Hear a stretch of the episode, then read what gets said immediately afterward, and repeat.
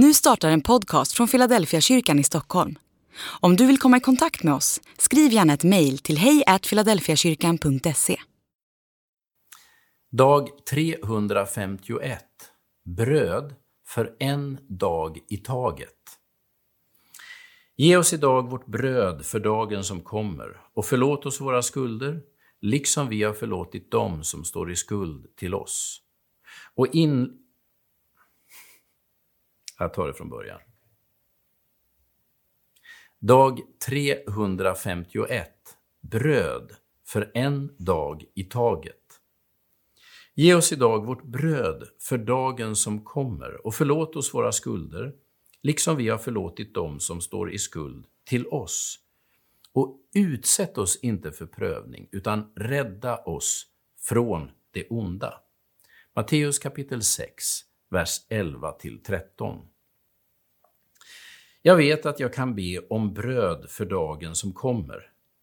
Jag kanske inte får en surdegslimpa bakad på dinkelmjöl och gräddad i en vedeldad ugn med exklusivt flingsalt som garnering. Man kan köpa sånt bröd i specialbutiker i Stockholm och det är verkligen en njutning att äta. Men smakar det så kostar det. Priset kan ibland ligga en bit över hundralappen. Nej, Svaret på brödbönen liknar förmodligen mer en Skogaholmslimpa för en tjuga. Inte lika exklusivt, men mättande.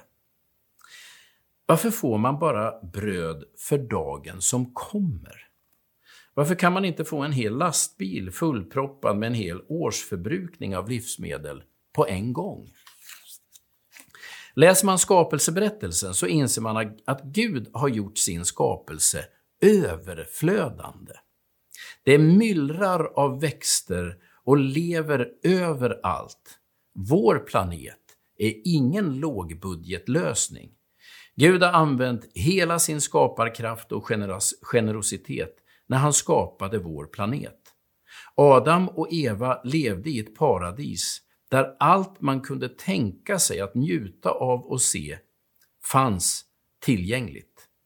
Egentligen är vi skapade för överflöd och rikedom. Det finns ingenting i skapelseberättelserna, det finns ingenting i skapelseberättelsen som antyder att Gud satte Adam på diet och skar ner hans veckopeng till existensminimum. Tvärtom. Full tillgång till allt.